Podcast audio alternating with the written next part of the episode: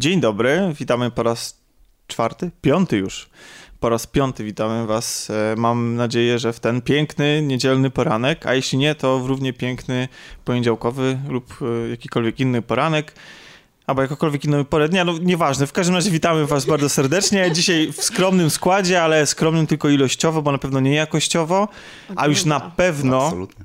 nie jeśli weźmiemy pod uwagę to, jakie tematy mamy dzisiaj e, do obgadania. Razem ze mną witają was Kasia Cześć. i Tomek. Hej wszystkim. E, I ja, czyli drugi Tomek. Ja bym chciał tak może na samym początku przejść do spraw organizacyjnych, żebyśmy mieli to już ze sobą, e, ale bardzo miłych, ponieważ e, chciałbym przyznać e, nagrodę, którą w konkursie, który ogłosiliśmy w zeszłym tygodniu, polegający na tym, że trzeba było pod postem na Facebooku napisać o swoim najgorszym prezencie mikołajkowym albo świątecznym, taki, który dostaliśmy pod choinkę. I w nagrodę było do wygrania pokaz, y, dwu, dwuosobowe zaproszenie na pokaz filmu Zły Mikołaj 2 w Warszawie. I zgłosiła się jedna osoba, y, Kasztaniak y, z Pocześla, tak, do którego się, którego Nie, pozdrawiamy. no ja też napisałam. no tak, ale my nie możemy brać udziału. O. Ani nasze, nasi, e, nasze rodziny, konkubenci. O. E, Więc e, także gratulujemy zwycięzcy i skontaktujemy się z nim i mu przekażemy. Oraz uwaga, niespodzianka, jeśli macie ochotę się wybrać na ten seans i na przykład wpadło wam teraz do głowy coś, co moglibyście napisać pod postem z tym odcinkiem, jeśli chodzi o prezenty, nieudane prezenty świąteczne, bądź też mikołajkowe, to zapraszamy, ponieważ mamy jeszcze jedno dwuosobowe zaproszenie. Wow. Podejrzewam, że odzew będzie równie wielki jak na, na, na poprzedni konkurs, ale jest ono i, i mamy nadzieję, że się nie zmarnuje, także zapraszamy. I tak, e, poza tym, cóż, możemy przejść myślę, że do, do tego, co widzieliśmy e, i co czytaliśmy i co słuchaliśmy w ostatnim tygodniu. Może na początku pozbędziemy się takiego trochę Trochę kontrowersyjnego Ojej. tematu. Kontrowersyjnego dlatego, że film, który będziemy omawiać, czyli Zwierzęta Nocy, zbiera, tak? Ja mogę tak A, do, dobrze, dobrze, tylko, to za chwilę tylko powiem, że, że on zbiera bardzo, e, bardzo dobre e, i dobre oceny, i to zarówno od widzów, jak i od recenzentów, natomiast my widzieliśmy ten film z Kasią i chyba nie do końca podzielamy te zachwyty, tak e, mówiąc e, dyplomatycznie i tak chyba trzeba tutaj uważać na słowa, żeby, że, że, że jak będziemy omawiać ten film, żeby... mm, Tak trochę martwimy się, że mm, y, uznacie, że nie, nie zrozumieliśmy może głębi tego filmu, ale to ja wam mm, trochę może jeszcze powiem, o czym ten film e, jest. tak, kto to zrobił i dlaczego e, ja miałam wysokie oczekiwania wobec tego filmu. E, jest to film Toma Forda. Mm, Bardzo mi się podobał jego, który jest projektantem mody, jak pewnie niektórzy wiedzą, i bardzo podobał mi się jego poprzedni film, Samotny Człowiek, z Colinem Firthem. E, Zachwycający film, zachwycająca ścieżka dźwiękowa. Mamy wśród naszego grona też innych fanów tego filmu. Wiem, że Ania Nowak była tak samo zachwycona jak ja. W związku z tym miałam równie wysokie oczekiwania co do tego filmu, ale niestety, nie, jak to delikatnie powiedzieć, trochę się zawiodłam. Może z powodu tak bardzo wysokich oczekiwań, ale wiem, że Tomek nie miał żadnych oczekiwań i też nie był zadowolony. Tak, ja, ja nie miałem żadnych oczekiwań, ponieważ e, nie znałem poprzedniego filmu tego pana i jego kariery, e, jako projektanta również, wobec tego e, szedłem na ten film To w bardzo ciemno. dziwne. Drugi E, mężczyzna, z którym w ciągu tygodnia rozmawiałam, nie wiedział, kim jest Tom Ford. Ja w ogóle nie rozumiem, panowie. No, taki sławny projektant mody, no. To Może- może- zapachów. Może gdyby On pracował... zapachów też Może gdyby pracował dla właśnie. H&M, to... Dobra, ale może Dobrze, ale jeszcze wraca- o czym film? Tak, tak, przede wszystkim właśnie, Film bo- opiera się na takich e, dwóch planach, jakby płaszczyznach czasowych, no właściwie czasowy, czasowo-przestrzennych. E, Właściwie bo to trzech najpierw nawet. poz- trzech. No tak. dobrze, ale po kolei, bo główna Bo bohaterka. najpierw poznajemy główną bohaterkę, która jest bardzo bogata, ale nie do końca szczęśliwa. Żyje w związku, który jej się nie do końca układa i widzimy, że jest w kryzysie. E, I dostaje przesyłkę. Właściwie w pierwszej scenie filmu otwiera tą przesyłkę. Jest to paczka od jej byłego męża, e, jego książka, którą napisał. I bohaterka zaczyna czytać tą książkę i w Ale tym to nie momencie... jest książka już puszczona do druku, tylko taki... Jeszcze nie, no jak Maszynopis. chciałam powiedzieć, no właśnie, brakowało mi słowa rękopis, to nie był maszynopis. E, zaczyna ona czytać tę książkę i w tym momencie zaczyna się e, ta druga płaszczyzna, czyli poznajemy mm, losy bohaterów książki. Widzimy jej wyobrażenia na temat tak. tego, co I się w międzyczasie w jeszcze to powoduje u niej wspomnienia dotyczące związku z byłym mężem. To tyle chyba w ramach wprowadzenia, zero spoilerów. Tu nie ma zresztą to spoilerować nie, tak za bardzo w nie tym ma, filmie. Ponieważ, ponieważ w tym filmie dzieje się tak niewiele rzeczy, a te, które się dzieją, zwłaszcza te, które dotyczą książki, te rzeczy, które się dzieją w książce, są właściwie dosyć e, typowe. Jak na film sensacyjny, to klasy C właściwie. To znaczy, no mi akurat to, co się dzieje, nie przeszkadzało, bo mm, tak to, po ja myślę, zwiastunach że... tak oczekiwałam filmu Drogi. Bardzo lubię kino Drogi i tak zwiastuny tak, tak myślałam, o, coś w stylu Lyncha, jakaś dzikość serca, jakiś prawdziwy romans, więc to mnie tak bardziej jeszcze nakręciło. Rzeczywiście akcja się toczy tej książki w Teksasie, e, rzeczywiście mamy pustkowie, bohaterowie jadą samochodem, pojawiają się problemy. No tak, bo, bo ja myślę, że to też nie będzie żadna, żaden spoiler, kiedy powiem o, co z grubsza chodzi w książce. Generalnie chodzi o to, że pewna rodzina wybiera się na wycieczkę i w trakcie podróży przejazdu przez Teksas yy, jakby mają niefortunne spotkanie z miejscowymi, nie wiem jak można ich nazwać, rednekami, tak, czyli jakby e, ludźmi może nie do końca szanującymi prawo i, i, i wolność innych e, i w związku z tym jakby, no, jakby zadzierają z nimi i to skutkuje tym, że ściągają na siebie kłopoty. I później widzimy jakby konsekwencje tych kłopotów i cała ta akcja. Brzmi to bardzo interesująco. Tak, i, jest, i też jest w pierwszym fragmencie, kiedy widzimy ich w tej sytuacji, bardzo ciekawie nakręcone i trzymające na, w napięciu jak, jak, z jakiegoś filmu, y, jakiegoś dreszczowca, nie wiem, horroru, czy filmu drogi. Ej, przepraszam, filmu sensacyjnego. I to jest bardzo sprawne. Tylko później niestety jest dalsza część filmu. I ta dalsza część jest, e, jest właśnie tym e, porównywaniem tej sytuacji z książki do własnego życia głównej bohaterki, tak, że ona w trakcie czytania jakby utożsamia się e, z tymi bohaterami, widzi w nich, w tych bohaterach siebie, odnajduje swojego byłego męża, tak, bo trzeba powiedzieć, postacie. że głównego, e, czy jej byłego męża oraz bohatera książki gra ten sam aktor, Jake Gyllenhaal. E, no więc to narzuca tak. jakby od razu taką prostą interpretację, to jest ten sam tak. facet. I problemem tego filmu jest to, że to jest niemiłosiernie nudnie nakręcone. Znaczy w mojej ocenie. I teraz jakby od razu się usprawiedliwię, że w tej ocenie, że ja uwielbiam kino powolne, bardzo ki kino klimatyczne. Mówiliśmy o tak. Arrival w zeszłym tygodniu, tak, który Arrival, też który jest, jest powolny. Tak. Zresztą z tą samą aktorką odtwarzającą główną rolę. Amy Adams. Uwielbiam, mój ulubiony film to jest Blade Runner, który moja e, ukochana przyjaciółka raczy nazywać film o człowieku, który wchodzi po schodach, nie? więc który też ma nieśpieszne tempo, więc to nie jest tak, że ja nie doceniam e, nieśpiesznego tempa. To nie jest tak, że ja nie doceniam klimatu, jaki e, serwuje na przykład Lynch, bo w tym filmie troszeczkę pobrzmiewają tego te, no właśnie jest echa taki, tego. Tak, tak. uwielbiam tak. Lyncha. Co roku oglądam sobie Mulholland Drive, robię sobie z tego święto, więc jakby uwielbiam jakby dekomponować te, te jego filmy i sobie interpretować na nowo. Ale niestety ten film, mam wrażenie, że jest jakby ciągle zatrzymany w pół drogi.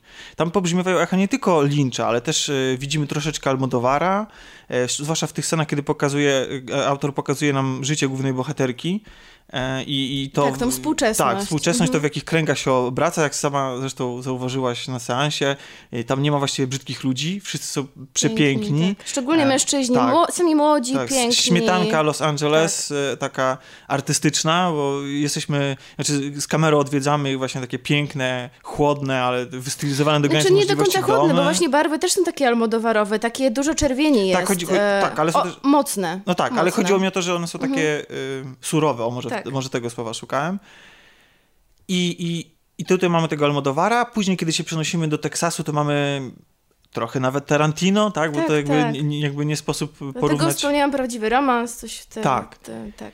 Zwłaszcza postać szeryfa y, jakby przywodzi na myśl to, co się działo Zresztą w Kill bardzo, i, dla mnie najciekawsza postać filmu. Michael tak. Shannon jako szeryf, tak. świetny. Aczkolwiek to jest ciągle tak, jakby to było zatrzymane w pół drogi. Na przykład, wiecie, autor pokazuje nam scenę w restauracji, podczas której bohaterka rozmawia ze swoją matką i ta treść tej rozmowy mogła być streszczona w dwóch zdaniach. Ona jest rozciągnięta do kilkunastu minut i to jest po prostu rozwleczone w ten nudny sposób. Nie w ten sposób jak u Lyncha, gdzie widzimy jakąś taką, e, gdzie, gdzie to rozwleczenie i dziwne zachowanie bohaterów nas fascynuje. I czujemy jakieś napięcie tak. wtedy. Tu nie, nie było napięcia. Nie tak jak Tarantino, gdzie te dialogi coś znaczą, jakby, gdzie, gdzie one są same w sobie są fascynujące i jakby i bawią, tylko to jest takie po prostu. I to jest takie, wiecie, jakby, jakby, jakby autor Yy, bo film się fantastycznie zaczyna tak bardzo właśnie takimi bardzo fajnymi e, ujęciami tańczących nagich kobiet. Powiedzieć o nich, że są w rubensowskich e, kształtach, to za mało, tak, naprawdę. To eufemizm, tak, tak, tak, ponieważ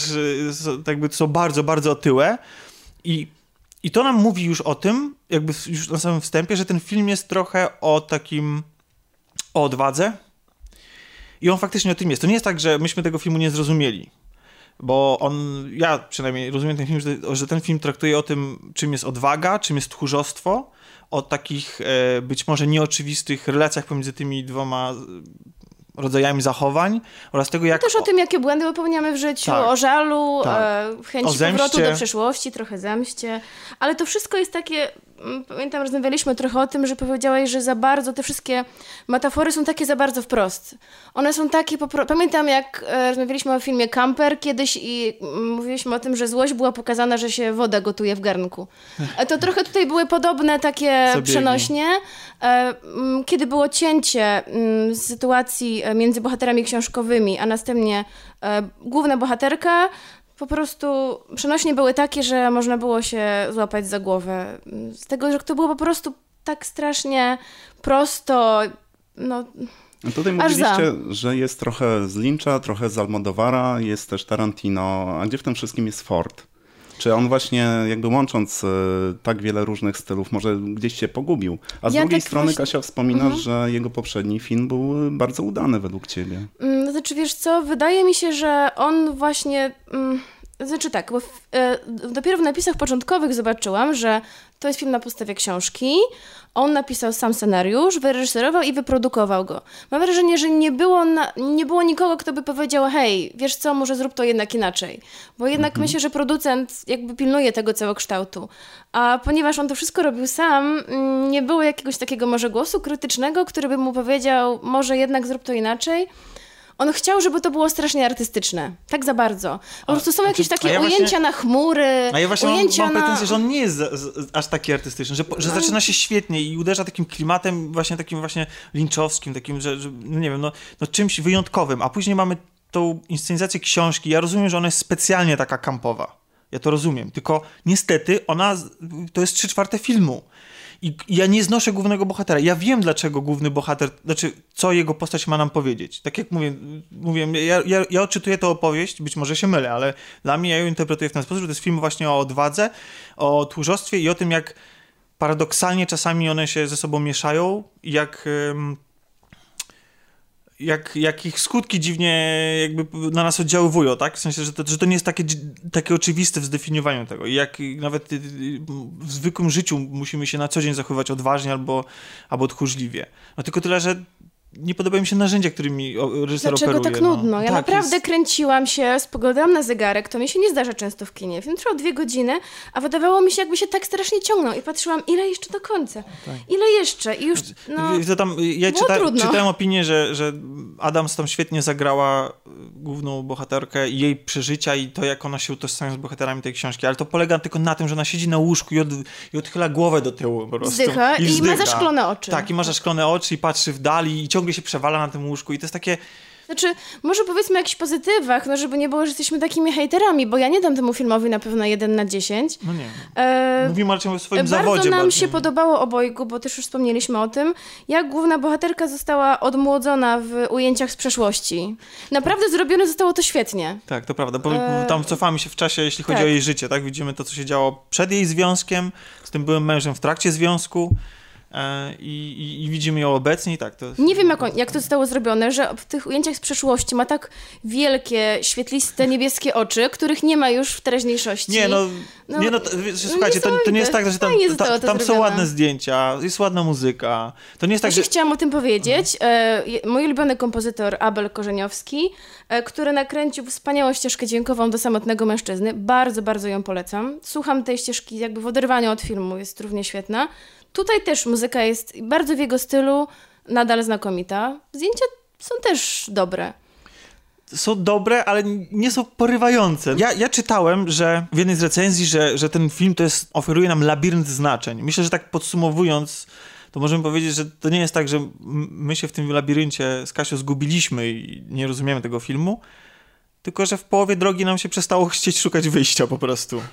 Albo po prostu było to powiedziane tak wprost, że w połowie już właściwie też wiadomo o co chodzi, co się wydarzy i, no jakoś już wtedy przestaje się chcieć to rozgryzać, bo nie ma tak. co rozgryzać. Tam nie ma co rozgryzać tak naprawdę. I to nie jest tak, że to jest jakiś fatalny film, ale bądźcie przygotowani na to, że jest e, w naszej ocenie nie jest tak dobry, jak mógłby być. Tak, jest średni. Jest to tak. średni film, który niestety nas znużył. Znużył. Ale nie musicie akurat tylko nam ufać.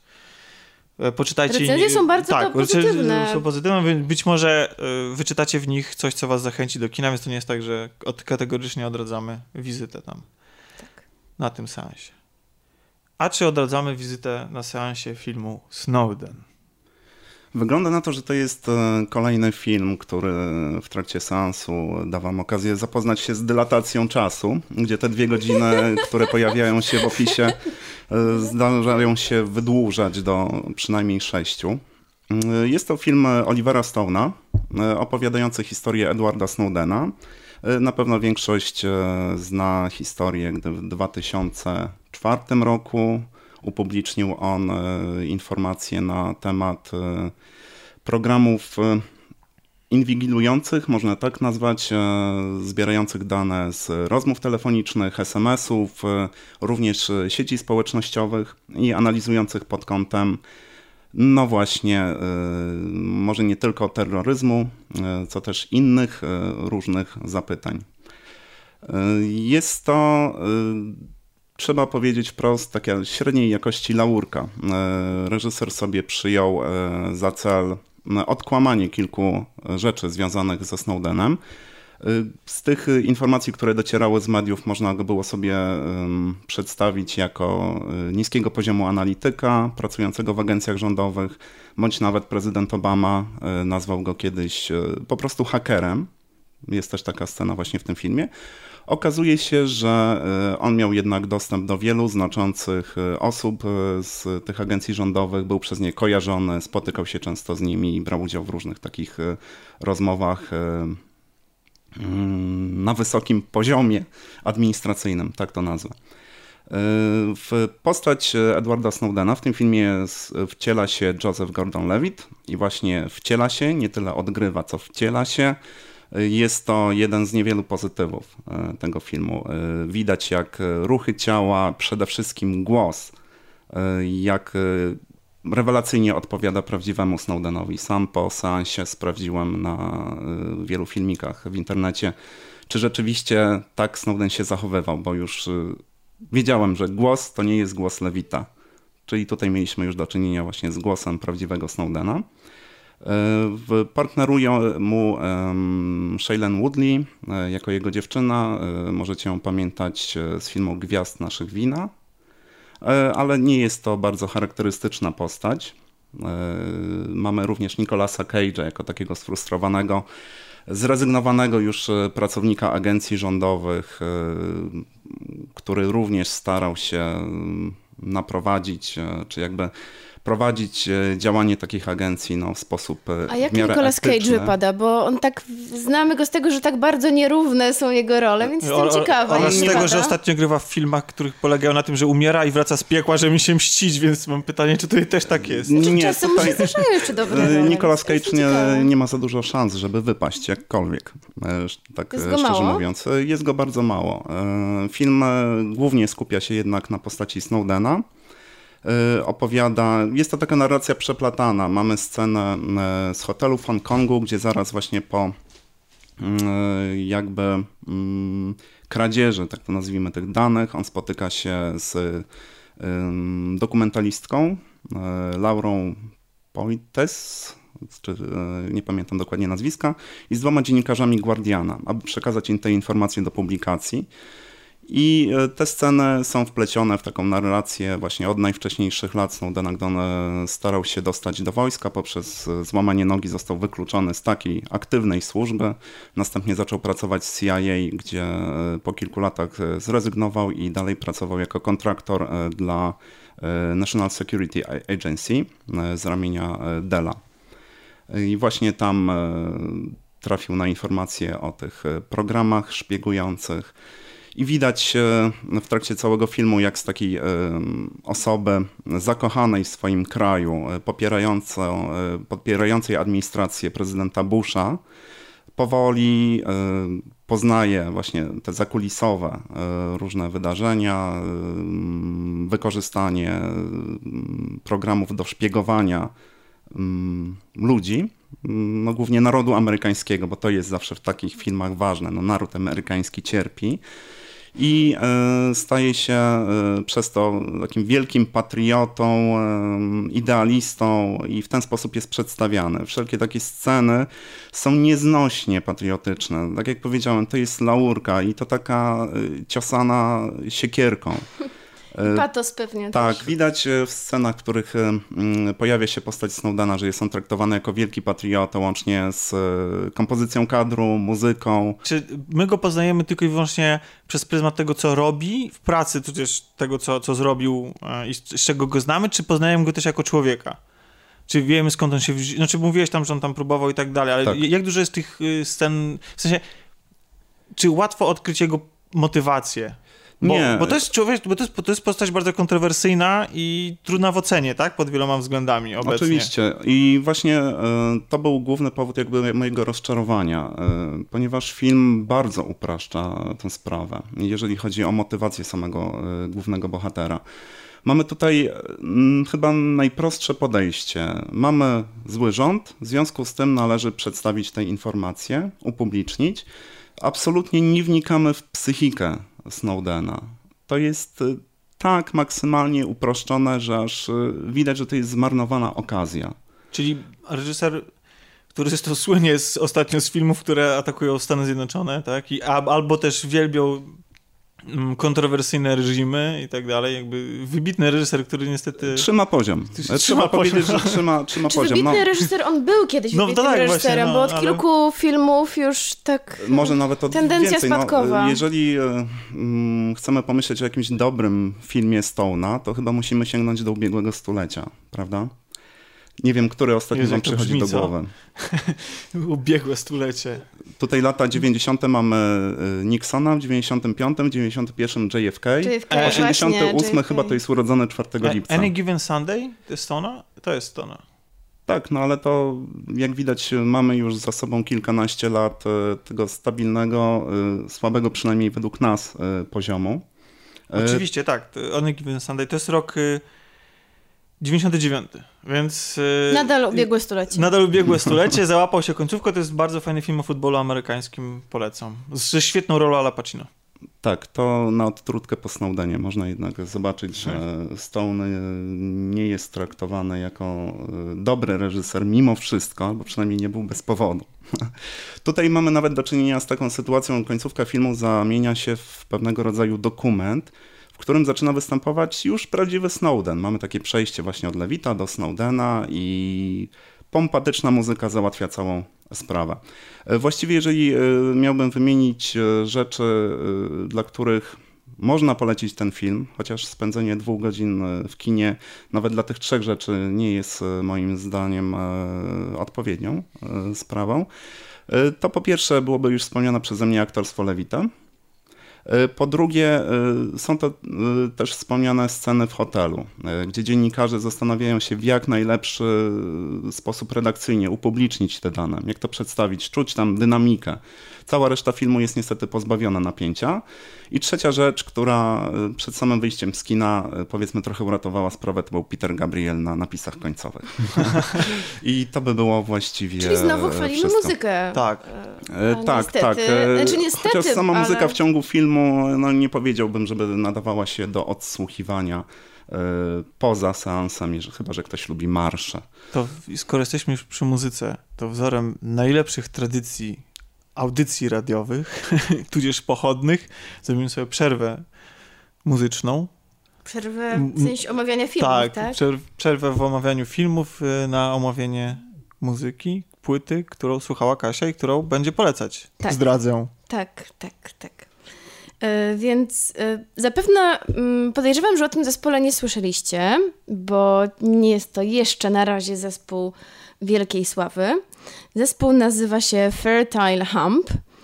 Jest to taki poboczny projekt warszawskiego zespołu The Stops. To jest zespół, który gra taką Mówię, jeśli chodzi o The Stops, to jest zespół, który gra takiego dość tradycyjnego, radosnego rock'n'rolla. I spotkali się oni i członkowie tego zespołu i jeszcze, jeszcze jedna osoba. Jest to ich tak naprawdę debiutancka płyta, nazywa się Dead Heart, bo poprzednio wydali oni tylko e, epkę. I dlaczego bardzo, bardzo, bardzo tę płytę polecam? Mm, ponieważ wydaje mi się, że w Polsce bardzo brakuje zespołów, które taki fajny, bezpretensjonalny sposób grają takiego blues rocka.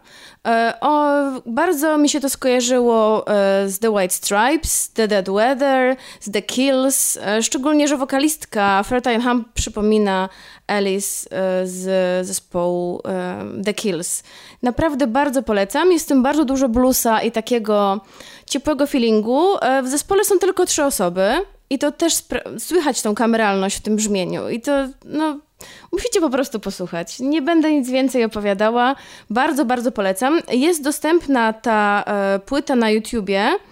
E, jest to legalna, legalna wersja wrzucona przez, e, przez wytwórnię. Można też kupić ją bardzo tanio w Instant Classic. Wydaje mi się 20 zł, bo w takiej cenie e, wydają oni płyty, więc, e, więc to nie są duże pieniądze a naprawdę warto. Wspomagacie polski, warszawski zespół, e, który gra naprawdę świetnie i e, myślę, że to będzie komplement, kiedy powiem, że amerykańsko. Czuć jakby to był taki amerykański e, blues rock. Tak jesteśmy przy rock and rollu. To? To wydaje mi się, że to właśnie rock and rollowym nazwałbym serial młody papież, który zadebiutował Zdecydowanie. w tym sezonie e, w sieci HBO i który e, widzieliśmy razem, z, oglądamy sobie razem z Tomkiem. Tak, symultanicznie, u siebie. U siebie tak. Każdy u siebie. Każdy u siebie i wymieniamy się opiniami, a te opinie, przynajmniej z mojej strony, to są prawie zawsze po, jakby po tych opiniach następuje wykrzyknik. No, tak, ja może jestem bardziej stonowany i samego serialu właśnie nie nazwałbym rock'n'rollowym, może bardziej postać papieża, okay. którą e, gra Jude Law. I hmm. gra rewelacyjnie, już trzeba na początku to wspomnieć. E, to kto opowie pokrótce, o czym jest ten serial? To jest... Yy, o papieżu? O papieżu, tak, uwaga, brawo. I właściwie to jest tyle, bo ja nie mam po czterech odcinkach nie mam zielonego pojęcia, o czym jest ten serial. To znaczy, to nie jest serial, który można sklasyfikować łatwo i powiedzieć, że on opowiada jakąś konkretną historię. Dokładnie.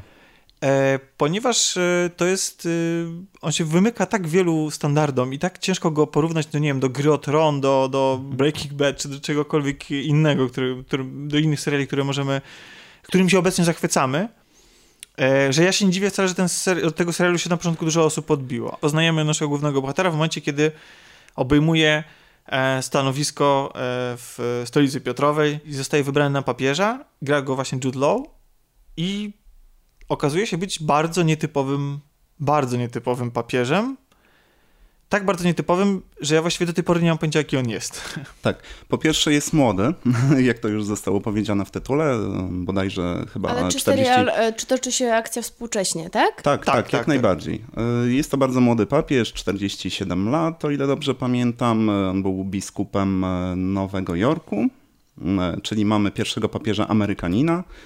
I e, wszystko wskazuje na to, że został wybrany na to stanowisko jako taka chęć, e, z chęci e, no nie chciałbym to nazwać komercyjnej, ale takiej bardzo komunikacyjnej znaczy pokazanie prostu... nowoczesności kościoła może, coś trochę w tym tak. stylu.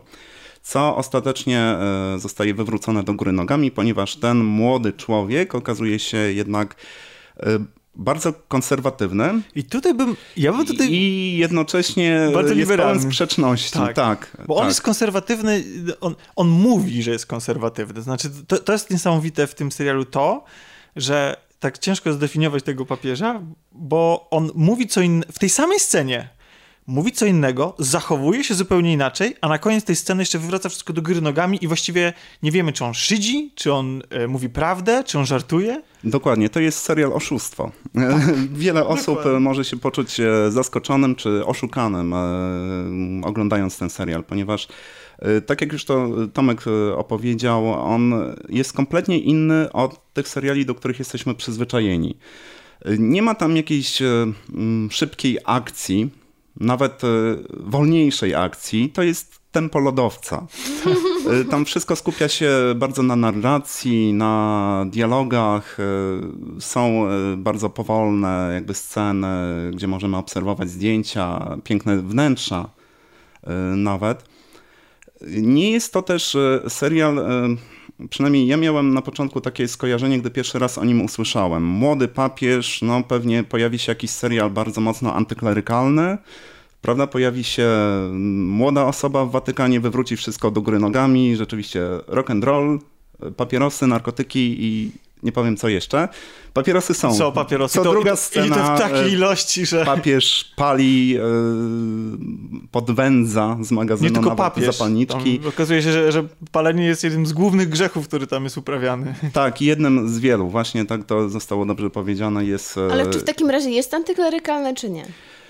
Nie wiadomo, właśnie. Nie, no właśnie, właśnie o to chodzi, że kompletnie nie wiadomo, do czego ten serial zmierza. Y, jest on naprawdę tak y, wywrócony na lewą stronę, gdy, gdzie mamy postać kardynała Wojelo. Y, tak właściwie można na pierwszy rzut oka powiedzieć antagonisty tego serialu, ponieważ on staje w kontrze do, do właśnie papieża Piusa XIII, czy tak jak się prawdziwie nazywa Leniego. E, I właściwie z czasem widzimy, że to jest e, chyba jedyna osoba z, e, o dobrym sercu, prawda? Bo jest fanem piłki nożnej, opiekuje się nocami jakimś niepełnosprawnym chłopcem i ma erotyczne poli... fantazje związane z figurką Wenus z Willendorfu. ale, jest, ale jest też bezwzględnym graczem politycznym. Dokładnie, bo na tym też polega ten serial. Widzimy tam machinacje, różne zagrywki, negocjacje. Ale, ale to nie jest gra o tron, żebyście nie nie myśleli. Nie, nie, nie. nie. To, to, jest... to, to, ma takie dosyć specyficzne własne, własne tempo, własny wszechświat właściwie filmowy, bo często jest tak, że widzimy wyobrażenia mm, papieża, coś mu się zdaje, nie jesteśmy czasami pewni, czy widzimy to, co widzimy, to jest naprawdę, czy tylko wyobrażenie. Dokładnie, jest mocno, mocno surrealistyczne miejscami. No, pierwsza scena, gdy Lenny już jako papież wyczołguje się spod sterty jakiś laleczek, Idzie po czerwonym dywanie, a okazuje się, że jest na placu Świętego Marka w Wenecji. Mm, to już jest jakaś taka właśnie scena snu. Y, mamy przecież motyw y, z kangurem, który został przesłany papieżowi w darze. On zostaje uwolniony i sobie biega po ogrodach watykańskich. Y, mnóstwo jest tego tak. typu motywów. Znaczy, żebyście też nie mieli takiego wyobrażenia, że to jest postać, która jest tak charyzmatyczna jak na przykład Dr. House, tak? Czyli, że jest, wiecie, że, że można go nie lubić, ale trzeba go podziwiać i on, on jest w taki inny sposób charyzmatyczny. On przyciąga i cały serial, dlatego ja o nich, o tym serialu tak się y, w takich superlatywach wypowiadam, ponieważ ten serial mnie przyciąga tym, że ja nigdy nie wiem, co się stanie, ja nigdy nie wiem, co dana scena przyniesie i nigdy nie wiem, mm, znaczy, cały czas muszę go sobie na żywo, yy, na bieżąco interpretować. I, I to jest moim zdaniem e, fascynujący film dla miłośników kina i telewizji ponieważ on się posługuje w inscenizacji, w grze aktorskiej, w prowadzeniu aktorów, w prowadzeniu, znaczy w dialogach, tyloma zabiegami typowymi dla kina, e, które nas naprowadzają na pewne tropy, a potem to wszystko wywraca do góry nogami. Jest, jest jakby kiedy myślimy już, że już rozgryźliśmy postać głównego jakby papieża, głównego bohatera, albo w ogóle kiedy rozgryźliśmy o, o co w danej scenie chodzi i coś, czego się możemy spodziewać, to reżyser mm, pokazuje nam figę z makiem i, i, i, mówi, że, że nieprawda, bo, bo, bo jest, to zmierza w zupełnie innym kierunku. Jest wiele scen, gdzie widz jest podpuszczany. Wielokrotnie się zastanawiałem, czy scena, którą akurat widzę na ekranie, ma jakikolwiek związek z tym, co jest mówione do nas spoza kadru.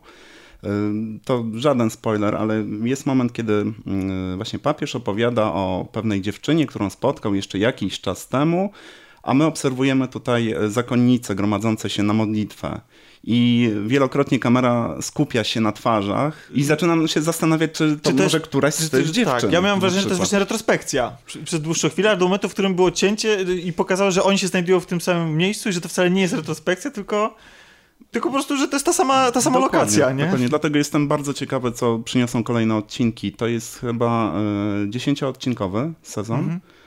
O ile dobrze pamiętam, to jest y, mm, jakby y, pokazywane w takich w parach. Aktualnie chyba na HBO Go jest dostępne 8 odcinków.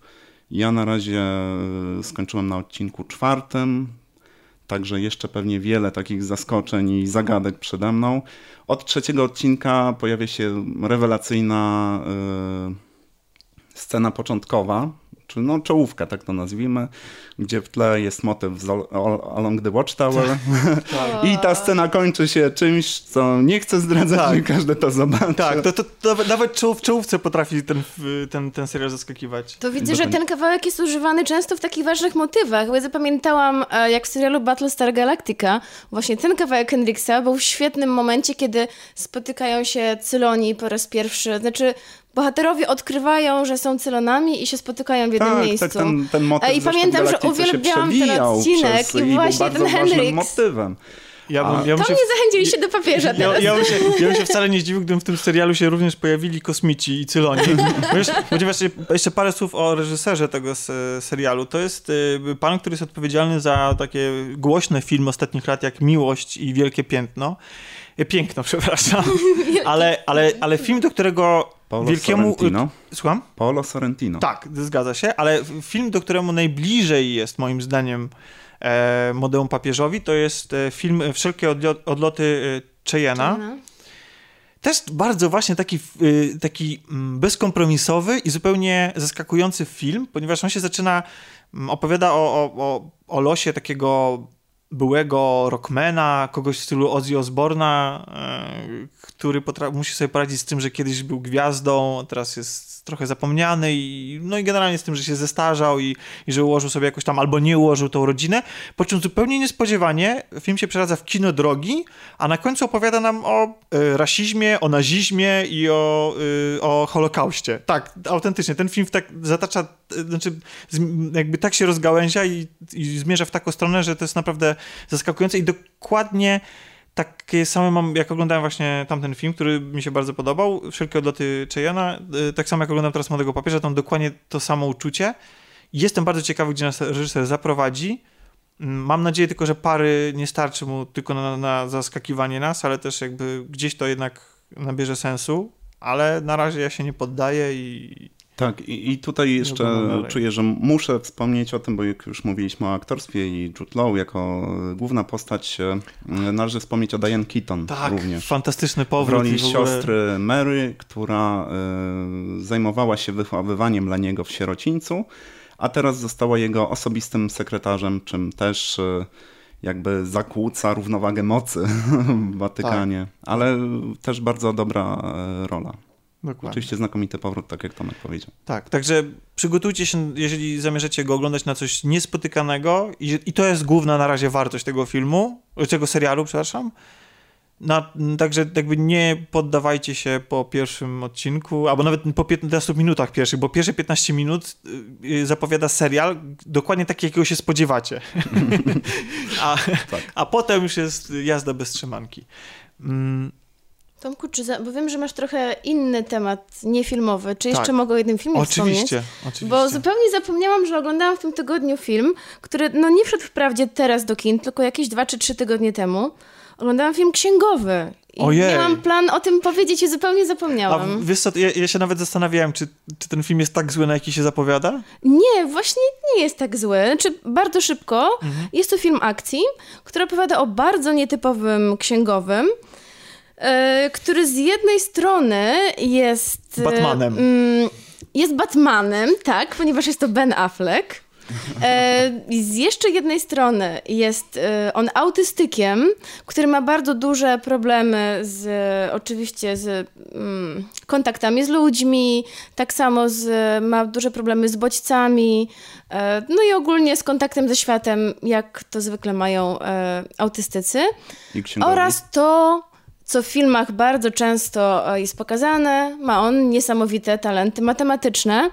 E, co oczywiście jako pedagog chciałabym sprostować, wcale nie do końca tak jest, że wszyscy autystycy mają wielkie talenty. To jest tylko w kinie. To wcale tak nie, e, to wcale tak nie wygląda. Bardzo często y, dzieci, osoby autystyczne mają wręcz y, niepełnosprawność intelektualną, bo niestety mikrouszkodzenia w mózgu powodują też y, różne inne skutki. Zdarza się, że mają wielkie talenty i no, no kino jakby wykorzystuje to, bo to jest ciekawe. I to sprawia, że my wszyscy myślimy, wow, na pewno każdy autystyk jest geniuszem. Ten jest geniuszem, a oprócz tego, co jest, uwaga, uwaga, nie dość, że jest zamkniętym w sobie aspołecznym autystykiem, to jeszcze ma niesamowite talenty Mianowicie świetnie strzela ze snajperki, ma genialnego cela oraz e, zna różne sztuki walki. No, oczywiście. Tak jak Jason Statham, wiecie, po prostu bije się wręcz.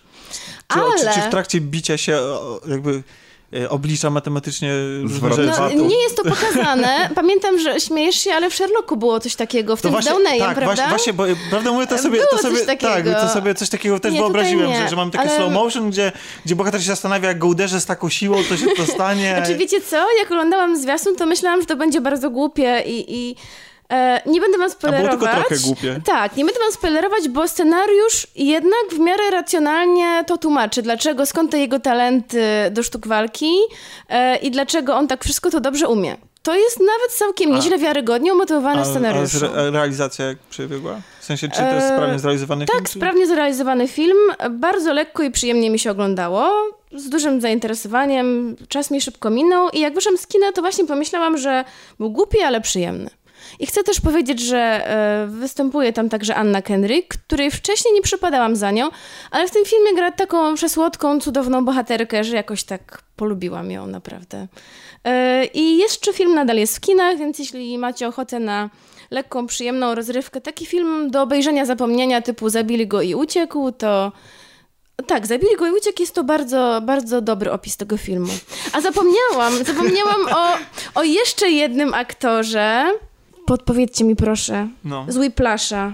Je, jak on się nazywa? Dostał Oscara za Whiplash. Ten uczył tego główne bo, głównego bohatera na perkusji. Dobrze. Wiecie, który. Tak, wiemy, który. Wiecie, który. No już trudno, no. Może mi wybaczyć. Czy ten film trwa tyle, ile jest napisane, że trwa? Nie dłuży A ile się trwa? wcale. Nie wiem. A, o to chodzi. Tak, nie dłuży się zupełnie. J.K. Simmons. A, J.K. Simmons, no właśnie. Sięgnąłem do pokładów mojej pamięci. Krzemowej. Krzemowej pamięci, tak. J.K. Simmons też e, całkiem, całkiem w porządku wypada. No nie jest to jakiś film najwyższych lotów, ale naprawdę Oj. E, tutaj może Tomek trochę mnie znielubi za to, co powiem, ale Jack Reacher mi się nudził, e, dłużył mi się, przynajmniej ten pierwszy, a Wyłącz ten film mikrofon. mi się nie dłużył. Nie, ale... A ten film się nie dłużył, naprawdę mm, szybko, sprawnie to biegło, po prostu taki odmóżdżacz, no, przyjemny. Chciałbym powiedzieć, że ja nie, nie, nie wielbię Jacka Richera tak jakoś specjalnie bardzo, tylko go bronię, że to nie jest, że ten, w tym filmie są wiele ciekawych e, elementów, które, które można przegapić i wziąć go za typowy produkcyjniak. Tak mi się Po prostu wydaje. jakoś, nie wiem, bardziej wierzę Affleckowi niż Tomowi Cruzowi. No przepraszam, Naprawdę? ale nie wierzę Tomowi Cruzowi, że on mógł być takim zabijaką, jak jest w Jacku Richerze. No po prostu mu nie wierzę, no. Ten mały koleś, który po prostu chodzi w tych butach na obcasach. Ty, no, ten, no nie mogę, ten koleś no nie kopie mu, tyłki no. od 88 roku, no proszę cię. Czy, no, czy nawet wcześniej, wiem, nie wiem, no kiedy jakoś był... mu nie wierzę. Nie, jakoś Jack Richer mnie nie przekonał, natomiast Affleck mnie przekonał, chociaż e, niestety widać... E, Ząb czasu. Widać, niestety widać, że to nie on walczy. Znaczy wszystkie sceny... Ojej, naprawdę? Znaczy, znaczy, to nie tak, że widać, ale po prostu kiedy walczy, to nie widać jego twarzy, więc wiadomo, że to nie on. Chodzi mi o to, że to, to nie jest John Wick, to nie jest, e, to nie jest yy, jakiś film ze Statamem. No po prostu widać, że to jest tak zmontowane, że było widać, a, że to Affleck, ale to nie a nadal Affleck. jest taki no. napuchnięty jak, jak, jak jest, w Batmanie? Jest taki... napuchnięty, ale jakoś te sceny walki widać, że to nie on. No, w sensie to on jest tyłem, albo widać jego kończyny. To fatalne wręcz, to jest w ogóle nie znoszę no, tego. To jest... No to niestety jest minus, no to jest minus. Wow, no dobrze, no czyli co, księgowy, tak? Zbliża się koniec roku. To... Przyjemno odmóżać, żebyście nie myśleli, że oglądamy tylko super ambitne filmy, których nie rozumiemy. No. Czasami oglądamy też głupie, które rozumiemy. Które rozumiemy. Tak. Dobrze.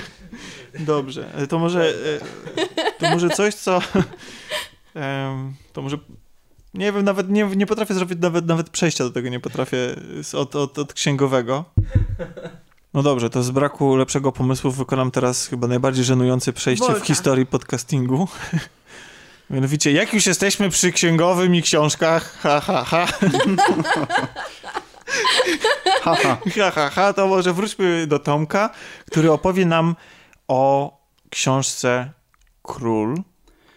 Król, y, czyli y, najnowsza powieść Szczepana Twardocha, już y, ósma w jego dorobku. Chociaż wielu osobom może się wydawać, że trzecia, ponieważ sam mam takie wrażenie, że stało się o nim głośno dopiero przy okazji Morfiny. Morfina i jego kolejna powieść Drach były w finale literackiej nagrody Nike. Bardzo możliwe, że podobna sytuacja będzie z Królem. Jest to powieść, której akcja dzieje się w większości w 1937 roku w Warszawie. Chociaż mamy też takie przebitki, e, które dzieją się 50 lat później, w latach 80. w Tel Awiwie. E, opowiada ona historię Jakuba Shapiro, e, żydowskiego boksera, bandyty, działającego sobie właśnie w dwa lata przed II wojną światową w środowisku E, warszawskich e, bandziorów, e, bojówek różnych politycznych, lewicowych, prawicowych. Wszystko zaczyna się od momentu, gdy Jakub Shapiro zabija pobożnego Żyda Nauma Bernsteina i postanawia zająć się jakby wychowaniem jego 17-letniego syna Mojżesza Bernsteina. I właśnie z punktu widzenia Mojżesza Bernsteina obserwujemy akcję, Również w latach 80. mamy do czynienia z tą samą postacią, jako, e, występująca tam jako Mojsze Inbar, generał, już żyjący właśnie w Palestynie, w Izraelu, przepraszam. I mamy obraz zupełnie innego dwudziestolecia międzywojennego niż to jest prezentowane i istnieje w takiej powszechnej świadomości. Zawsze mamy jakieś zachwyty nad tym okresem, ponieważ mamy zachłyśnięcie się wolnością po 123 latach niewoli. Jest to wspaniały okres, rozkwit e, Warszawy i tak dalej. Tutaj mamy zupełnie coś przeciwnego. E, Warszawa, która jest przepełniona złem, przemocą, wyuzdaniem, korupcją. A czy to jest, przepraszam, to jest taka przemoc w stylu złego, czy coś o wiele brutalniejszego? to jest przemoc, która z samych bohaterów, z punktu widzenia bohaterów może nie jest odrażająca, ale jest niesamowicie podniecająca. I jest o. właściwie czymś, w które koła wpadniesz, już się nie wydostaniesz. To jest właśnie też pewnego rodzaju, no nie chcę powiedzieć, że studium, bo to nie jest ambitna bardzo powieść. E, to jest powieść taka czysto rozrywkowa, e, może też nie niekoniecznie czysta. Jest tam taki romans z literaturą środka, można tak powiedzieć, że ma ona pewne ambicje i chciałaby zmusić czytelnika do e, pewnych refleksji. No ale tak naprawdę lepiej na nią spojrzeć jako bardzo ciekawie zarysowaną fabułę pewnych porachunków gangsterskich. Nie jest to na pewno powieść historyczna, E, gdyby ktoś e, chciał sprawdzić pewne fakty e, związane właśnie z tym okresem w Warszawie, na pewno zobaczy przeinaczenia, pewnie, pewne zakłamania geograficzne nawet. Mamy tam postać Kuma Kaplicy, takiego Capo di tutti capi. To jest Polak, socjalista, który jakby sprawuje pieczę nad właśnie tymi żydowskimi przestępcami, tak to nazwijmy. E, zbiera, e, zbierają dla niego haracze i tak dalej. On wojuje tutaj z prawicowymi bojówkami e, politycznymi. W rzeczywistości był tak zwany tata tasiemka, ale to też jest trochę inny okres czasowy, czyli no mamy tutaj pewną inspirację. Tak jak wspomniałem, no, oprócz tej części rozrywkowej może to być pewnego rodzaju studium przemocy, jak ona się rodzi, jak dochodzi do tego, że chociaż raz użyjesz przemocy, już nie wydostaniesz się z tego, z tego koła. Jest to przy okazji powieść przesycona mizoginią. Są tam kobiety, które cierpią właśnie różne prześladowania ze strony mężczyzn i no, można byłoby to zrozumieć, taki mieliśmy okres powiedzmy związany z prawami kobiet, jakkolwiek by to nie nazwał, ale te kobiety nie mają żadnego głosu w tej powieści. One przyjmują los tak, jak jest. Niektóre nawet czerpią przyjemność z tej e, przemocy doświadczanej. Mamy oczywiście e, postać, nazwijmy to o złotym sercu, Rywka Ki, prowadząca e, burdel. Już nie dziw, tylko burdel mama. Jest to chyba taka najmocniejsza postać kobieca, ale jednocześnie też y, widzimy wielokrotnie, że ona y, nie może sobie poradzić bez y, mężczyzn. Nic tutaj nie zwojuje. Nie jest to też powieść, po której można by się spodziewać jakiejś analizy zależności społecznych tego okresu. Czyli też, jeżeli ktoś jest na przykład zainteresowany opisem zwyczajowości żydowskiej, E, chociażby, czy tego, jak wyglądała sytuacja tej narodowości. E, są tam niewielkie opisy, tyle ile potrzeba, nie ma jakichś większych, głębszych e, analiz. Raczej mamy tutaj skupienie się na tym wątku gangsterskim. Warszawa brudna, gdzie każdy przeżywa jakieś traumy, niezależnie od wieku. Cierpią dzieci, cierpią osoby starsze, niezależnie od płci. Wspomniałem tutaj o kobietach, no oczywiście mężczyźni też e, doświadczają przeróżnych tutaj e, ciężkich sytuacji czy narodowości. Mamy tutaj pewnego rodzaju odwrócenie, ponieważ zazwyczaj mm, można by się spodziewać, że będziemy e, widzieli właśnie osoby narodowości żydowskiej jako prześladowane. No tutaj mamy pewne wątki jednak nacjonalistyczne ze strony polskiej i przez to wiele osób oskarża tę powieść jako taką antypolską, proza. Tak nie jest. To już jest e, pewna nadinterpretacja.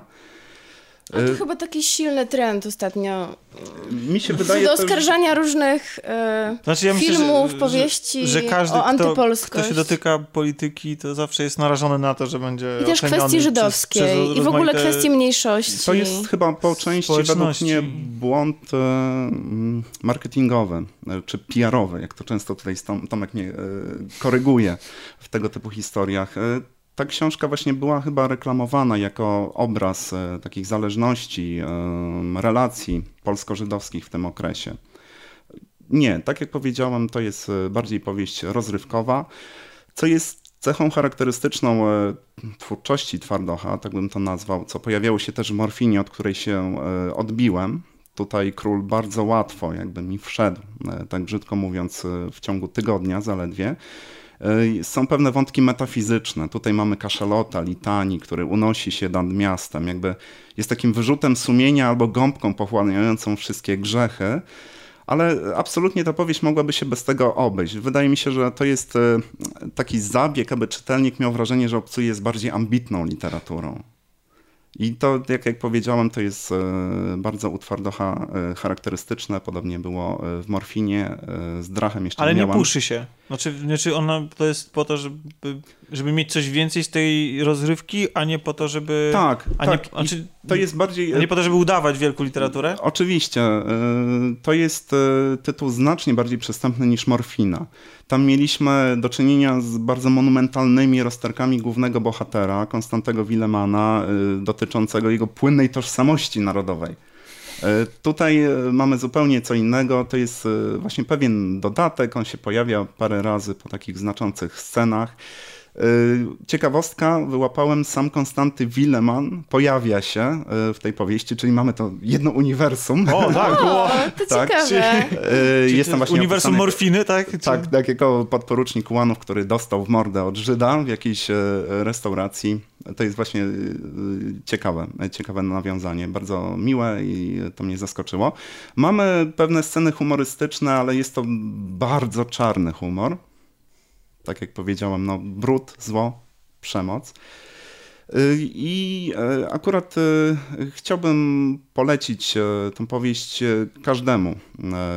Warto zapoznać się z Ale mnie już zachęciłaś, naprawdę. Strasznie mi się podoba to, powiedziałaś o tym, o tej mrocznej Warszawie. Ja strasznie lubię ten motyw, jak u Konwickiego w Niebostąpieniu, albo jak u Chłaski.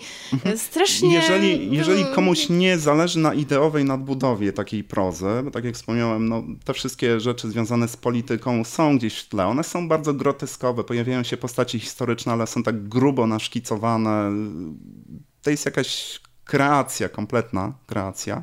Jeżeli na takiej nadbudowie czytelnikowi nie zależy, uważam, że opis y, mm, tego życia gangsterskiego, y, pewnych rozterek nawet, y, no sama nawet przemoc, tak jak powiedziałem, ona jest odrażająca, ale w pewien sposób pociągająca. Akurat w tym kontekście Warszawy lat 30., która jest jednocześnie tak malutka, ponieważ no wiemy administracyjnie jak to wyglądało i pojawiają się tam opisy e, miejsc, które no teraz dla każdego są normalne. No to jest część Warszawy, ale jednocześnie Już, tak... Nie, na... nie wiem, czy słyszeliście, ale właśnie Tomek niechcący trącił mikrofon. I Nikt nie słyszał. Nie, nie, a ty, tak się zaczyna przemoc. Ale także jak także, wejdę, wejdę także, to koło, to nie Tak, jak właśnie. Więc Ale jak stoicie... że tak żywo gestykulował, Tak, bo... jak stoicie teraz w korku na przykład i, i macie ochotę wyjść i, i, komuś, e, nie wiem... Jak Michael Douglas. Na przykład, tak. tak jakby uwolnić swoje emocje, to ostrzegamy i razem z królem Twardocha, że przemoc rodzi przemoc. Tak, jest to i Warszawa, tak jak powiedziałem, napompowana, to znaczy nie, właśnie nie napompowana, jest y, mała, zwarta, ale jednocześnie napompowana w drugą stronę, ponieważ są opisy, jak e, bohaterowie jadą, jadą z jednego miejsca w drugie, dowiadujesz się, gdzie dojeżdżają i sobie myślisz, kurczę, przecież to 5 minut jazdy tramwajem. Czyli są, są jak bohaterowie GTA którzy podczas jazdy tyle gadają, gadają, gadają, że jak do, dojechałem na miejsce, siedzisz jeszcze w samochodzie i słuchasz tego dialogu do końca. No właśnie nie prowadzą oni tam takich e, wyjątkowych dysput. To nie jest, e, bohaterem nie jest Warszawa, nie są narodowości, nie są jakieś grupy społeczne. Tam są bardzo dobrze nakreślone osoby, w pewnym sensie bardzo stereotypowe. Właśnie gangsterzy, burdel mama, tutaj jakiś wielki e, szef tego całego półświadka, e, komisarz policji, e, dziennikarz. Także każdy, wydaje mi się, znajdzie tutaj coś ciekawego. Kogoś, z kim może się in, in, utożsamić. Tak, zidentyfikować. Jakiś tak. lubiany archetyp. Tak. tak. Dokładnie. Nie wiem, po drodze miałem tyle pomysłów na przejścia, chyba sobie z tym dam spokój. Też na papierze. Też na papierze, tak, wydana seria komiksów, bo myślę, że dzisiaj nią właśnie zakończymy. E, ja aż po prostu aż się gotuję i powstrzymuję, żeby nie pieć zachwytu, y, bo właśnie skończyłem szósty ostatni tom, który się u nas ukazał, zdaje się we wrześniu, e, a mówię o serii komiksów Lock and Key autorstwa Joe Hilla, i, który jest odpowiedzialny za scenariusz i Gabriela Rodrigueza, który jest odpowiedzialny za rysunki. Wiem, Tomku, że ty też czytałeś. Tak, chociaż skończyłem na drugim y, tomie. Bo ci się nie podobało? Nie, właśnie nie. Y, jestem, y, nie powiem, że zachwycony na razie, a dochodzą do mnie takie słuchy, że dopiero dojście do ostatniego tomu pozwala jakby w całości docenić tą historię. Ale jestem mocno zaintrygowany, ponieważ to jest fantastyczna historia Y, horror, tak? Tak. Znaczy, Dreszczowiec, horror. Właśnie ja nic o tym nie Dobrze, wiem, to, to, to może coś tak, powiedzcie. Okay. Nawet to, to jest um, komiks grozy, ja bym tak to nazwał. E, może dużo nam powie fakt, że za scenariusz odpowiada właśnie John Hill, który jest synem, uwaga, Stephena Kinga. Uuu. Dum, A to zobowiązuje. um, I teraz e, jakby nie spoilując za dużo, jak zwykle. To taka mantra powtarzamy przy każdym kolejnym temacie, ale naprawdę chcemy że z was zachęcać do maksymalnej ilości rzeczy, e, nie psując wam zabawy. A tutaj jednak trzeba trochę zdradzić, przynajmniej na, e, z początku. Generalnie głównymi bohaterami jest rodzina, Loków, która jest, jest ofiarą brutalnego napadu, w wyniku którego ginie ojciec rodziny jego, jednym z jego, z jego życzeń e, było to, że gdyby się im coś stało, to mają się przeprowadzić do jego rodzinnego mm, domu i tak też się dzieje, czyli e, matka, żona wraz z trójką dzieci przeprowadzają się do, uwaga, takiej zupełnie typowej mieściny, nazywającej się Lovecraft. Mm. Albo to, to, Ciekawe skąd ta nazwa. A to, dopiero, a to dopiero początek, ponieważ e, zamieszkują w zupełnie randomowo nazwanej posiadłości, która się nazywa Key, Key House. House, która jest położona niedaleko miejsca, które też zupełnie przypadkiem nazywa się i tak zupełnie zwyczajnie jaskinia topielców. Mm.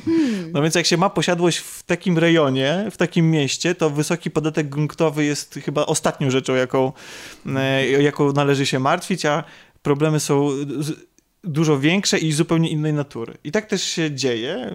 Mianowicie ta, ta posiadłość, do której sprowadzają się nasi bohaterowie, nasza tytułowa rodzina, e, okazuje się pełna tajemnic, oraz pełna kluczy, które e, nasi bohaterowie w trakcie tej historii znajdują.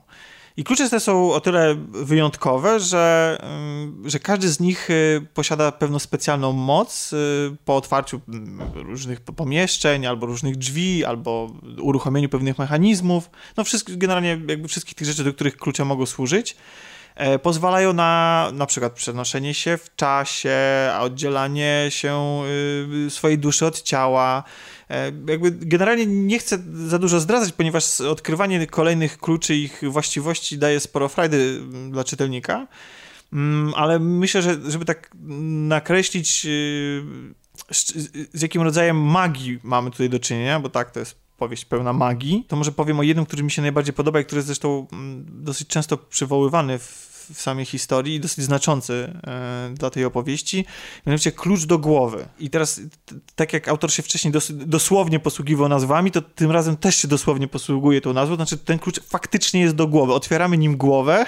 tak, hmm. tak, dokładnie. Nie ma tam żadnej metafory, to jest do, dosłownie okay. no, głowa e, bohatera, e, który, który użył na sobie tego klucza się otwiera, a w środku widzimy spersonifikowane myśli tego bohatera. O. Ale można je z tej głowy wyjąć, można do tej głowy je wsadzić, one żyją poza tą głową. I tak, także tego typu, e, z tego typu rzeczami mamy tutaj do czynienia. Jeżeli jesteście na takie rzeczy uczuleni, to, to was ostrzegłem, ale powinniście dać absolutnie tej historii szansę. Jeśli tak, tak oglądam, to taki jest dość e, brutalny moment. Tak, tak, to za chwilę do, chcia, chciałem, chciałem do tego przejść. Tak, że... jednak e, wspomniałeś o tym, że jest brutalny, e, ale większość jednak narracji skupia się na budowaniu nastroju. Tak. To, mhm. że tam pojawiają się takie Przynajmniej w pierwszych sceny tomach. gore, ale one mają jednak y, bardzo mocne powiązanie z historią. One nie są tylko po to, żeby mhm. były, prawda? I nie opiera się to na szokowaniu tymi scenami. One są mocno powiązane z opowieścią. Tak, ale, ale, ale czy później się pojawia jakby trup Ups. Nie ten. Sąsiedzi mocno tupią. Tak, sąsiedzi mocno tupią, tak. Um, no więc y, faktycznie pierwsze tomy bardzo mocno opierają się na takiej atmosferze grozy. Później tych trupów jest trochę więcej i sceny, nazwijmy to umownie, akcji jest trochę więcej, ale to wcale nie znaczy, że, że, że komiks się za, mm, zamienia w jakąś taką głupią siekankę, tak? Bo to, co jest niesamowite, nawet nie jest główna historia, którą podejrzewam, że fani mm, powieści grozy albo kina grozy jakby mogą uznać za znajomą i oczywistą. Tam to nie ma jakichś niesamowitych zwrotów akcji, które opowiedzą wam jakąś historię, o której jeszcze nie czytaliście. Zwłaszcza jeżeli jesteście fanami ojca autora tego komiksu.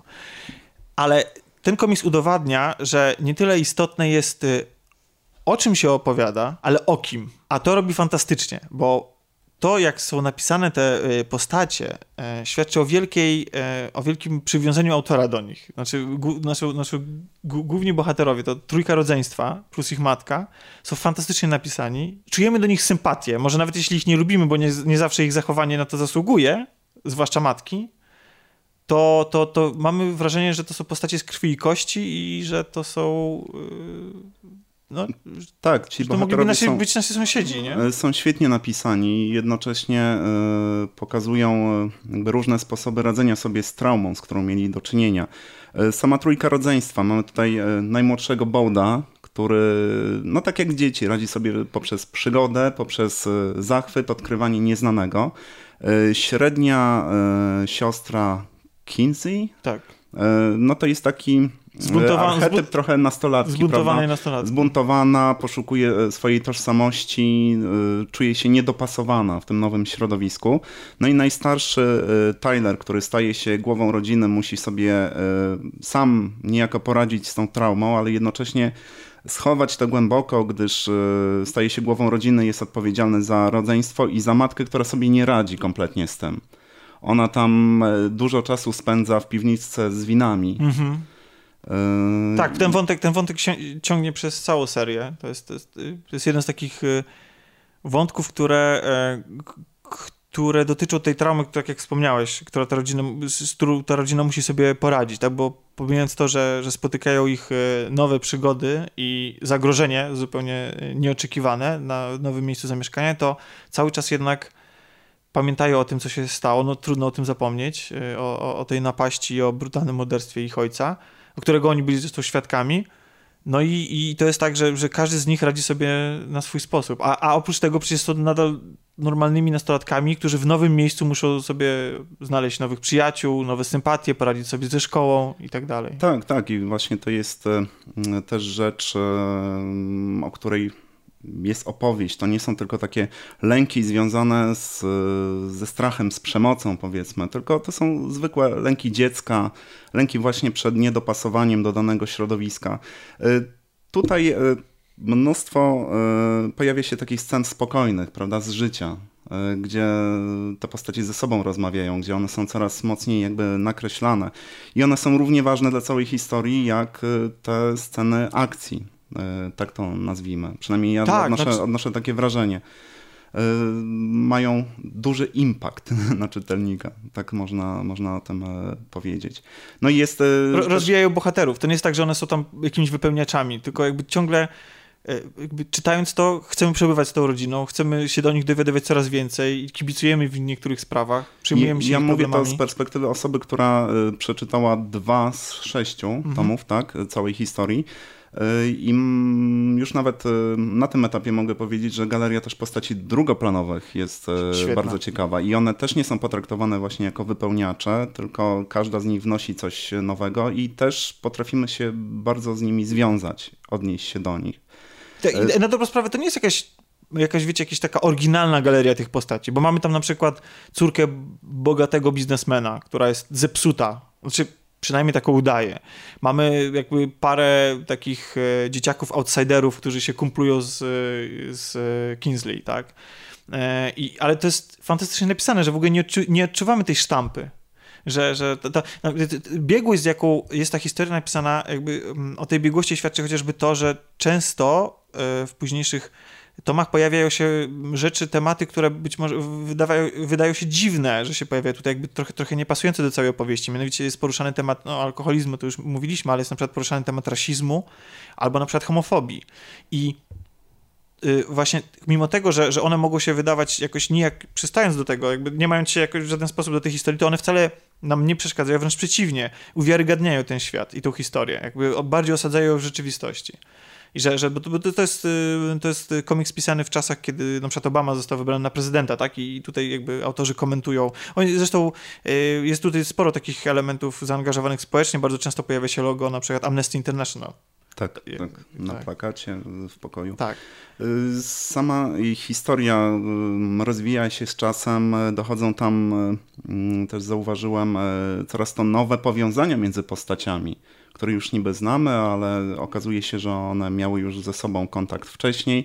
Y, bardzo spodobało mi się y, końcówka pierwszego tomu, gdzie y, nie wiem, czy można powiedzieć, że to główny zły, przynajmniej tak z mojego punktu widzenia to wygląda, mówi do tego najmłodszego chłopca, wydaje ci się, że przeszedłeś na początek opowieści. Mhm.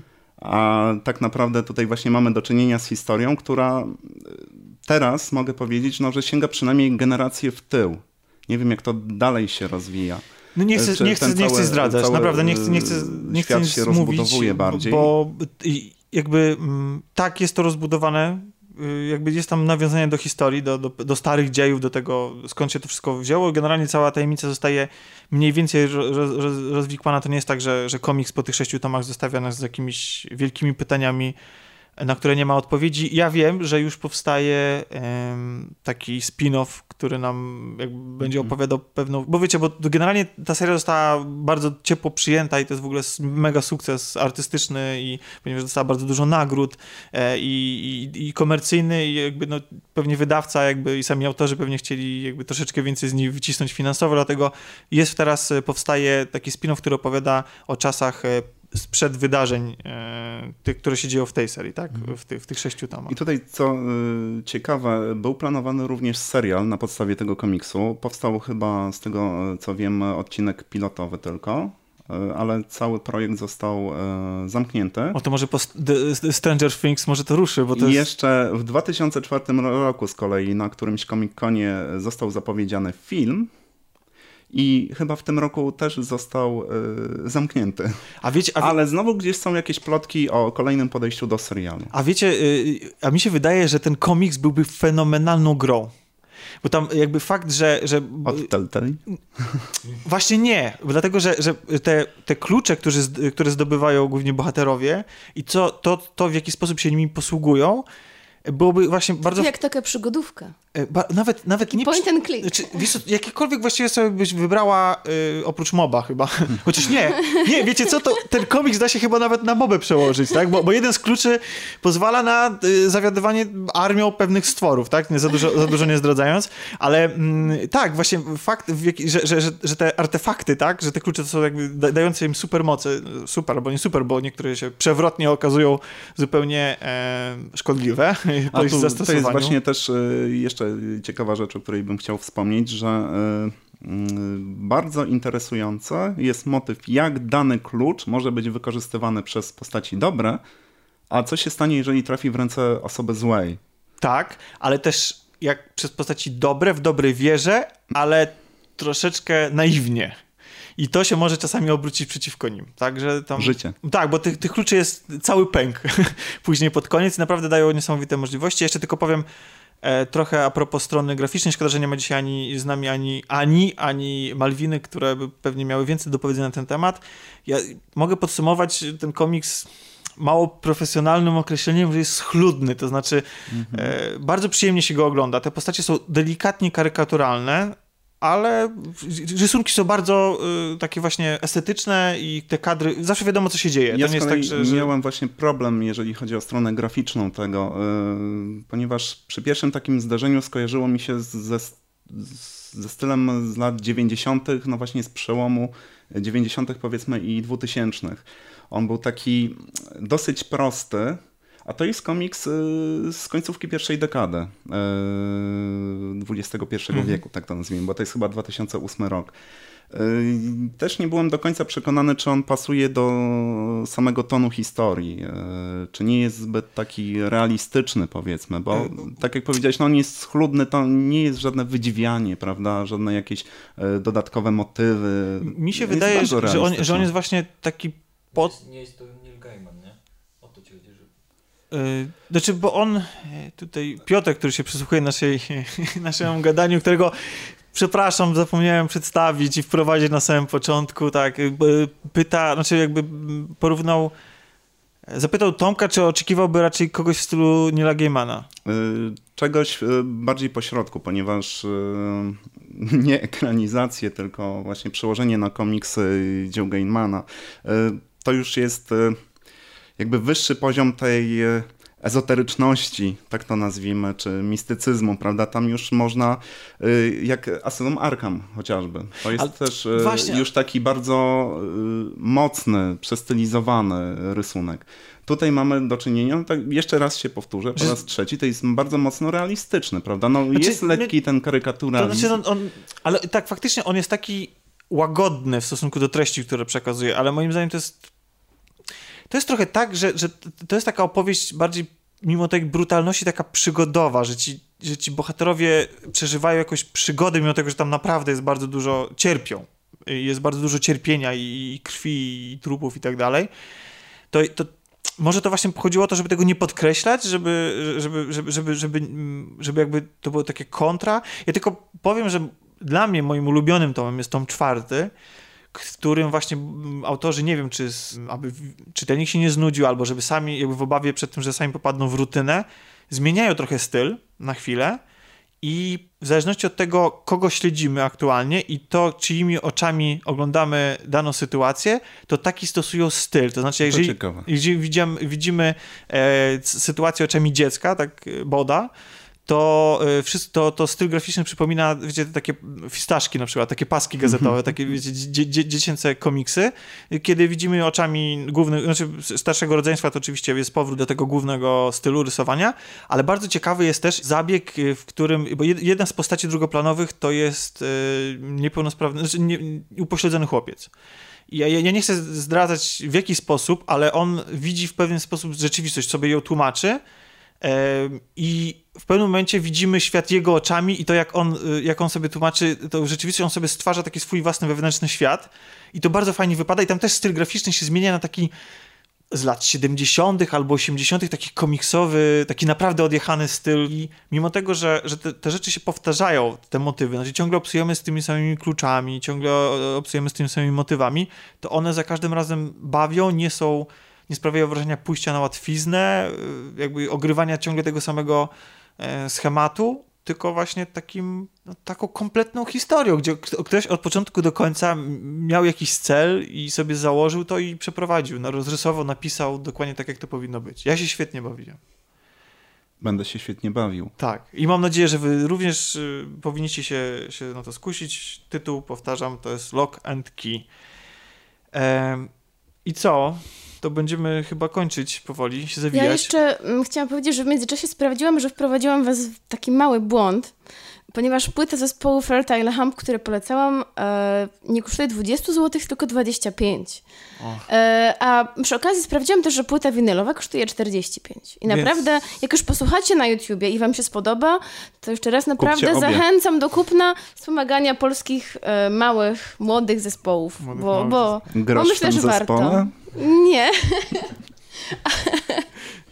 E, słuchajcie, dzisiaj wyszedł nam odcinek bardzo e, spokojny. A to z Pitbullem? E, właśnie, powinniśmy Pitbulla omówić, ponieważ jak się okazuje, jest to najlepiej sprzedający się film e, nie tylko tego sezonu, ale w ogóle jakby podbijający kasy kinowe i box office rozbijające wszelkie możliwe box office no ja wczoraj kraju. specjalnie poszłam. Tak, e, ja też, ja też ten film widziałem, ale ponieważ widziało też nas więcej osób z, z naszej ekipy, wydaje mi się, że możemy do tego filmu powrócić kiedy, kiedy właśnie zbierze się nas trochę obiecujemy, więcej. Obiecujemy, że powrócimy. Obie, tak. Obiecujemy, że, że powrócimy i że o tym opowiemy, ponieważ zdaje się, że nasze zdanie jest trochę podobne, a wiemy też, że y, niektórym się ten film jakby trochę, trochę inaczej na niego patrzą, tak? I trochę mniej mhm. przychylnym okiem, o może w ten sposób, tak? Czyli liczysz na taką że poleje się krew i że będzie ostra dyskusja. Nie, że po prostu, że, tak, że będziemy mogli jakoś obiektywnie w miarę gdzieś tam, czy subiektywnie, ale jak to Tomek ładnie ujął na naszym czacie, że obiektywizm to suma subiektywnych. Średnia, średnia subiektywnych. subiektywnych. Dobrze, może nie ulecą mi wrażenia przez tydzień. Chciałbym przypomnieć jeszcze raz o konkursie, który dla was mamy, czyli o, e, o tym, żebyście jeżeli dostaliście takowe, bo być może jesteście takimi szczęściarzami, że, że dostajecie zawsze właśnie to, co chcieliście i nigdy nie dostaliście kiepskiego prezentu na Mikołajki albo pod choinkę, ale jeśli się tak nie stało, jeśli się tak stało, czyli dostaliście właśnie taki prezent, którego nie chcieliście, albo który się kompletnie nie udał, to zapraszamy na nasz, na nasz fanpage. Powiem jeszcze to, co mówię gra. moim uczniom, którzy nie mają pomysłu, co napisać. Możecie zmyślać. Możecie zmyślać, tak. Zapraszamy na, na nasz fanpage, e, odszukajcie post z tym odcinkiem i pod e, tym postem w komentarzu opiszcie albo zmyślcie mm, e, jakiś prezent, albo na przykład, nie wiem, możecie też wymyślić prezent, który chcieliście, nie, najbardziej odjechany prezent, który chcielibyście kogoś obdarować. No generalnie zakładając, że i tak prawdopodobnie nie będzie się to cieszyło wielką popularnością, zapraszamy do komentowania po prostu. Jaki tak. optymizm. A do Święta wygra... Tak, a najciekawszą wypowiedź na temat prezentów świątecznych. Nie, wiem, nie chcecie iść na złego Mikołaja 2. No właśnie. No sam tytuł jakby nie nastraja odpowiednio. Nie, jedynka była świetna, a sam Dobry seans e, będzie miał e, miejsce 24 listopada o godzinie 20. To jest czwartek w galerii Mokotów e, w kinie Cinema City w Warszawie. Niestety albo niestety. Także zapraszamy do komentowania, zapraszamy do odwiedzenia naszego kanału na YouTubie. Jeśli nas nie słuchacie e, na YouTubie, a słuchacie nas za pomocą podcastowych aplikacji, na przykład, albo na SoundCloudzie, to koniecznie odwiedźcie nasz kanał, gdzie czeka na Was e, dużo dobra, nie tylko związanego z filmami i popkulturą, ale też i z grami wideo e, i podróżami na przykład. Też. Też. E, zapraszam również na stronę rozgrywkapodcast.pl, gdzie znajdziecie wszystkie materiały Wszystko gra. I cóż, to był piąty odcinek kulturalnego podcastu Kolaudacja. Kultowego podcastu. Kultowego podcastu Kolaudacja i zapraszamy W małym gronie, ale je, jakże barwnie Ale było. jakie obfite śniadanie. Dokładnie. A y, miłego tygodnia, miłej niedzieli i, i w ogóle miłego życia życzę wam Kasia, Wszystkiego najfajniejszego. Piotrek, Lajkujcie ich. ale głośno do mikrofonu. Lajkujcie ich. Lajkujcie. Oni tego potrzebują. tak. E, no i Tomek. Tak, nie stosujcie przemocy. Lajkujcie. Lajkujcie. Cześć, trzymajcie się, pa. Cześć.